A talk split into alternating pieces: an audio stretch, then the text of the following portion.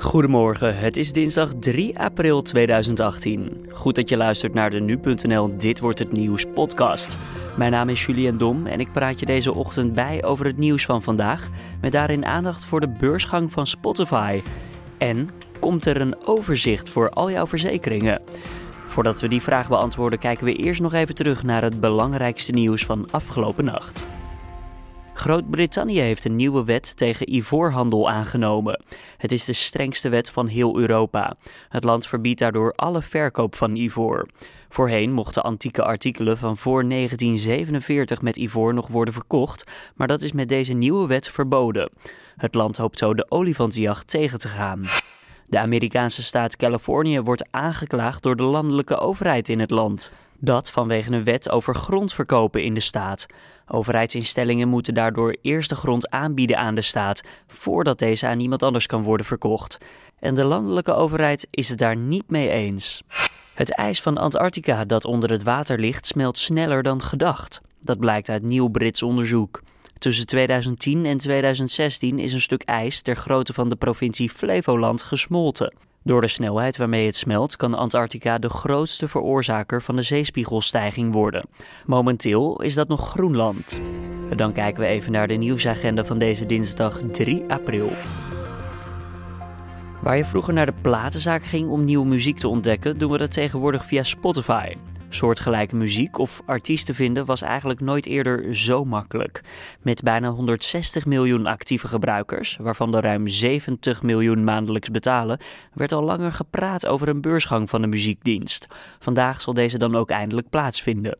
Collega Carne van der Brink hoor je in gesprek met Niels Aalberts, eindredacteur van 3 voor 12, over waarom Spotify naar de beurs gaat. Nou, volgens mij is de reden om naar de beurs te gaan altijd geld. Om te zorgen dat je uh, meer geld hebt om te investeren of uh, om een groei door te, te maken en te ontwikkelen en die te financieren. Dat lijkt mij altijd de voornaamste reden waarvoor je naar, uh, naar de beurs gaat. Het wordt makkelijker om in aandelen te handelen en uh, bij diverse partijen uh, financiering op te halen. Ja, want hoe gaat het op dit moment dan met Spotify? Goed, slecht? Ja, dat vind ik altijd. Dat is natuurlijk een discussie die in de media heel erg uh, gevoerd wordt. Volgens mij verschijnt er iedere maand twee of drie stukken. En die beweren, tenminste al die stukken, beweren het een en het ander. Dus het is een beetje hoe je daarnaar kijkt.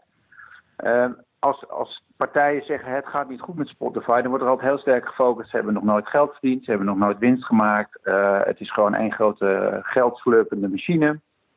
En met uh, de, de afdrachten die ze moeten doen aan rechthebbenden en, uh, en andere partijen, dat zijn in dit geval vaak platenmaatschappijen en labels, gaat dit nooit een, een gezond bedrijf worden. Dat is, dat grofweg even de, de manier waarop er door media geschreven wordt als het niet goed gaat andere geluid is dat het uh, wel heel erg goed gaat. En dan gaat het met name over de focus op marktaandelen, de groei die uh, Spotify doormaakt, ook de groei in betaalde abonnementen. Dus mensen, particuliere gebruikers, die meer en meer willen betalen voor, voor muziek. En een soort toekomstvisie, waarbij, ja, dat is natuurlijk altijd een beetje giswerk, dat er een model ontstaat dat op termijn um, ja, wel zwarte cijfers kan schrijven. En het is een beetje, uh, echt een beetje vind ik, hoe je er naar kijkt. Ik, ik neig heel sterk naar het laatste. En wat dat betekent voor uh, gebruikers. Kijk, ik denk dat ook gebruikers erbij gebaat zijn dat het zo lang mogelijk kalm en rustig blijft rond Spotify. En het bedrijf zo goed en zo rustig mogelijk kan blijven groeien. Ik denk ook dat het een beetje een kwestie is van too big to fail op het ogenblik in uh, met name Europa, maar zeker ook in Amerika. En daar komen India en, um, en het oosten uh, langzamerhand ook bij. Is Spotify gewoon een hele belangrijke speler geworden. In Europa echt de belangrijkste. In Amerika hebben ze natuurlijk toch echt wel vette concurrentie van, van Apple. En in India en Japan zijn ook nog een aantal lokale concurrenten. Maar ook daar gaat Spotify, Spotify snel. En ik denk dat de uh, gezamenlijke muziekindustrie, die ook allemaal aandeelhouder zijn van, uh, van Spotify, zichzelf weer voor de zoveelste keer in de voet zou schieten op het moment dat ze Spotify nu, uh, nu laten struikelen. Ja, want hoe denk je dat die toekomst voor de muziekindustrie eruit dan gaat zien? Ja, ik ben heel optimistisch. Dat is heel rooskleurig. Ik bedoel, ik wil niet heel lullig doen, maar het geld komt op het ogenblik alweer door de plinten naar binnen hoor. Iedereen heeft natuurlijk heel erg het idee van, oh, dat was allemaal zo slecht en zo matig. Maar um, in tien jaar sinds Napster, dus zeg van, 2000, van 1999, 2000 tot 2009, is de wereldwijde muziekindustrie uh, min of meer gehalveerd in, uh, in omvang. Maar sinds 2009, volgens mij Spotify uit 2006 of 2008, dat durf ik niet helemaal met zekerheid te zeggen. Maar vanaf het moment dat, uh, dat de marktaandelen van Spotify en streaming echt een vlucht heeft genomen, nou in Nederland zeker, uh, komt er echt serieus geld weer binnen bij de muziekindustrie. Er zijn andere industrieën in, in de wereld, de filmindustrie voorop, maar ook de, de journalistiek en de boekenwereld, die echt op het ogenblik een groter probleem hebben met de digitalisering. In uh, de muziekindustrie zie ik iedereen de afgelopen drie jaar weer lachend op alle festivals nog een biertje bestellen. Ja, ja, ik vind het wel bijzonder dat je dat zegt, want inderdaad het verhaal van uh, gewoon lekker uh, platen um, verkopen, daar zat geen geld meer in. Toen, ja, de streamstarts, ja, dan kreeg je maar een paar cent van 10 cent, 15 cent uiteindelijk, ja, als kijk, alles eraf ging. Al, ja, dat is het verschil van hoe je het weer bekijkt. Kijk, als je op de positie van de onbekende artiest gaat zitten, die een platencontract heeft gesloten met een groot label, dan zitten er heel veel partijen tussen voordat jij van die ene stream geld krijgt. Bovendien gaat het dan om een paar duizend streams. Nou ja, dat is altijd zo geweest in de muziekindustrie. Als je geen hit scoort, als je niet bij de top uh, 20% zit van mensen die, die, die, die platen verkopen, cassettes verkopen, cd's verkopen, maar ook in streams, dan is het relatief marginaal. Het is altijd een, een, een 80-20 regel geweest in de muziekindustrie. Dus we moeten nu niet net doen alsof dat anders is geworden door streaming. Dat in één keer iedereen er geld aan kan verdienen. Wat je wel kunt doen, is als onafhankelijke maker of muzikant zorgen dat je al die contracten die tussen jou en, uh, en Spotify zitten er allemaal tussenuit trapt. Dat kan in de moderne uh, muziekindustrie. En dan hou je gewoon het meest aan je streams over. Dan doe je een paar duizend streams en dan is het nog steeds niet miljoenen. Maar dan kun je er wel een aardige boterham uh, aan verdienen. Ik ken muzikanten in Nederland die geen hitscore, niet op de radio te horen zijn. En een redelijk ma maandelijks inkomen overhouden aan Spotify. En kijk, de Taylor Swift en de Kanye West's en de Rihanna's en de Beyoncé's van deze wereld. Ja, die schuiven het op uh, met graafmachines naar binnen. Maar dat is altijd zo geweest. Dus dat, dat, dat, dat moeten we niet net doen alsof dat anders is geworden. Belangrijk is wat ik net ook zeg. We hoeven op het ogenblik met de verzamelde muziekindustrie ook geen medelijden meer te hebben.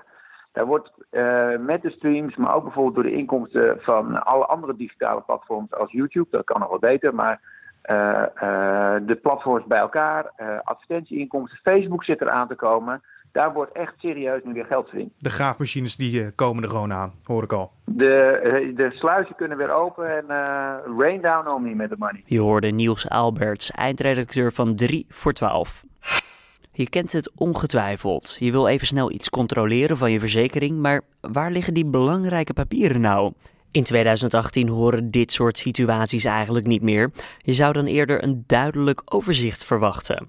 Dat probeert de website mijnverzekeringenopeenrij.nl dan ook te realiseren.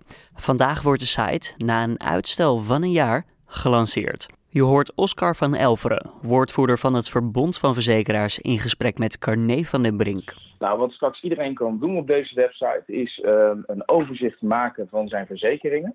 Want we hebben er een hele hoop in Nederland. Denk aan de autoverzekering, denk aan de inboedelverzekering, de bijstandsverzekering. Nou, en op die website maak je een overzicht ongeacht van uh, welke, bij welke verzekeraar je het hebt afgesloten. En wat zijn daar de voordelen van dan? Nou, het voordeel is dat je eindelijk een overzicht kan maken van al je verzekeringen.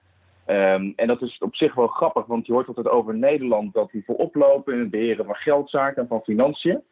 Uh, wij hebben een onderzoek laten uitvoeren en daar blijkt uit dat nog nou ja, ruim twee derde van Nederlandse verzekeringen allemaal op papier bewaart. Dus wat dat betreft mag dat nog wel een stapje verder. Um, en uh, daarom hebben we ook deze, deze website ontwikkeld. Ja, waarom is die drang dan om alles digitaal te maken? Want je zegt alles gebeurt nu op papier.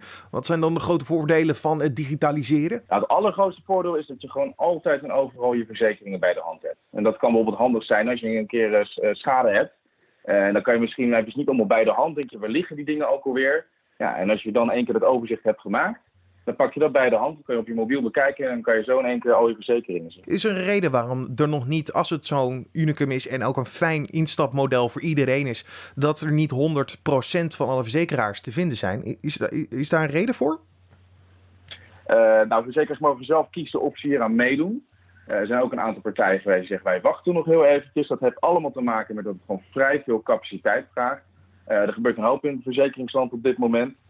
Um, en een aantal zijn gewoon nog bezig om hun, uh, hun aansluiting af te ronden. Het, het, vraagt gewoon, uh, het is een vrij intensieve operatie. Hoe, hoe zit het met de beveiliging eigenlijk van de site? Het is toch gevoelige informatie die je deelt met de database. Hoe zit het daarmee? Um, nou, als je het hebt over veiligheid, die is uh, door allemaal derde partijen gecontroleerd en gecheckt. Um, en als je kijkt naar, nou, als je het ook hebt over data, hè, dat is wel een interessant punt op dit moment. Ehm, daar is het zo dat niemand die gegevens kan inzien. Ook de verzekeraar niet. Ook niet een, een, een adviseur van een, uh, van, van een consument of van een klant. Uh, dus niemand kan daarbij. Dus uh, er zijn allemaal derde partijen die dat continu blijven controleren. En op basis daarvan gaan wij ervan uit dat het goed gaat komen. Dus je kan eigenlijk gewoon de belofte maken dat er niet meer, zoals in de recente geschiedenis nu wel aan het gebeuren zijn, dat bedrijven dus gegevens doorverkopen. Wat in dit geval dus niet gaat gebeuren met je polisnummer, je rekeningnummer. Dat gaat in ieder geval niet gebeuren, als ik het hoor. Nou, laat ik dat meteen even uit de lucht halen. Dat gaat zeker niet gebeuren. Uh, er zit hier ook niet voor verzekeraars in die zin een verdienmodel achter met de data. Wij doen dit omdat we merken dat, nou, Nederland, ik zei, Nederland is qua digitalisering in, eh, in, met, met financiële middelen heel ver. Maar voor de verzekeringen was er nog niet zo'n oplossing. En natuurlijk het feit dat wij straks uh, eh, dat, dat mensen een digitaal overzicht hebben, dat biedt ook weer efficiëntieslagen binnen de verzekeringssector. En uiteindelijk is dat ook een kostenbesparing. Um, maar we doen dit ook echt wel omdat we merken dat, uh, dat de consument, die heeft hier echt wat aan. Die, die is er klaar voor. Nou, vraag hoor vanuit mij. Uh, ik ben benieuwd. In hoeverre is de site onafhankelijk? Omdat die een opdracht is van de stichting Poliskluis. Is die ontwikkeld. Het bestuur van de stichting bestaat uit vertegenwoordigers van zes verzekeraars. Hoe, in hoeverre is het onafhankelijk als er dan nog meerdere verzekeraars bij gaan komen? Nou, er zijn al meer verzekeraars aangesloten. Uh, dan die in het bestuur zitten van, uh, van die stichting. Het is alleen zo dat die verzekeraars in die stichting zitten, die hebben de dagelijkse leiding genomen om de website te ontwikkelen. Uh, het is uiteindelijk een, een, initiatief wat is ingezet door het Verbond van Verzekeraars. dat is de branchevereniging van de schade- en levensverzekeraars in Nederland. Ja, die heeft meer dan 190 leden. Dus je kan wel van, van mij aannemen dat het een breed gedragen initiatief is. Wat zijn jullie verwachtingen afsluitend voor de site eigenlijk? Ja, is lastig om te zeggen. Dat heeft namelijk ook wel mee te maken. Waar zijn de vergelijkingen mee te maken? Um, maar wij hopen, omdat we nu zeggen we willen gaan beginnen, we willen gewoon eens kijken hoe die website werkt. Of, of er eventueel ook nog problemen zijn, of het allemaal goed werkt. Dus wij zijn vooral tevreden met een aantal Um, en ja, daar kunnen we niet echt een, een, aantal bespreken, maar we kunnen wel zeggen als we genoeg hebben om de website verder te verbeteren. Oscar van Elveren was dat, woordvoerder van het Verbond van Verzekeraars. De Nederlandse advocaat Alex van der Zwaan, die is aangeklaagd door Robert Mueller in het Amerikaanse Rusland-onderzoek, hoort welke straf hij krijgt. De Nederlander zou in november 2017 een valse verklaring hebben afgelegd over zijn werkzaamheden voor de regering van Oekraïne. Die zou hij samen hebben uitgevoerd met een campagnemedewerker van Donald Trump. Van der Zwaan heeft al toegegeven dat hij destijds heeft gelogen. De Russische president Vladimir Poetin gaat op bezoek bij de Turkse president Recep Erdogan. De banden tussen deze twee landen worden nauwer. Nu zowel Rusland als Turkije, die met het Westen steeds verder zien verslechteren. Poetin en Erdogan praten dinsdag over een Russische kerncentrale aan de mediterrane kust van Turkije, nabij Akuyu. De eerste twee wedstrijden in de kwartfinales van de Champions League worden om kwart voor negen gespeeld. Bij Bayern München zullen we Arjan Robben aan het werk zien. De vleugelspeler moet het met zijn club opnemen tegen het Spaanse Sevilla. Het andere kwartfinale duel is een herhaling van de finale van vorig jaar. Juventus tegen Real Madrid. Dat duel wordt uitgezonden op nu.nl.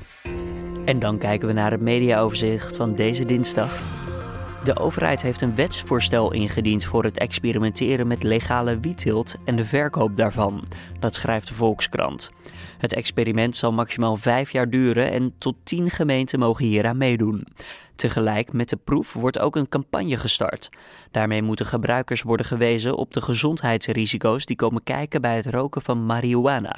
Steeds meer gemeenten bedenken regels om het aantal Oost-Europeanen dat er woont te beperken. Dat meldt Trouw. Dat doen ze om de wijken leefbaar te houden. Zo mogen er in Tiel bijvoorbeeld niet meer dan vier Oost-Europese arbeiders in een huis wonen en is er een maximum ingesteld aan het aantal Oost-Europeanen per straat. Deze maatregelen maken het echter moeilijk voor de gastarbeiders om een huis te vinden. De controle en handhaving van geluidsoverlast rond Schiphol schiet tekort. Dat meldt de Volkskrant. Allereerst zou de controle gewoon niet goed zijn, maar als er te veel overlast is, wordt ook niet ingegrepen door de inspectie. Omwonenden kunnen daarnaast nergens terecht met klachten tegen het geluid. En dan kijken we nog eventjes naar het weer deze dag. De ochtend start eerst wat wisselend bewolkt en droog. Later op de dag neemt vanuit het zuidwesten de kans op buien toe. Mogelijk gaat dat gepaard met een klap onweer. De meeste buien bereiken het oosten pas in de vroege avond. En lokaal wordt het zo'n 15 tot 18 graden. Nou, voordat we bij het einde zijn, nog even nieuws over de nieuwe rechtszaak tegen Bill Cosby. Er is inmiddels namelijk één jurylid geselecteerd. Cosby wordt door meerdere vrouwen beschuldigd van seksueel misbruik. In totaal waren er maandag 120 potentiële juryleden opgeroepen. En meer dan de helft daarvan stelde al mening te hebben over de schuldvraag.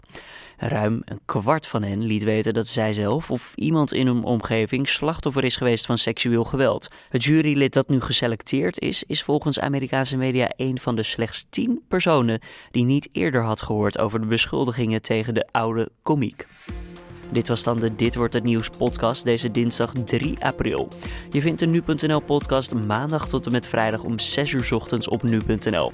Heb je een mening over de podcast? Laat dan eens een recensie achter op iTunes of stuur een mailtje naar redactieapenstaartje nu.nl. Voor nu, tot morgen.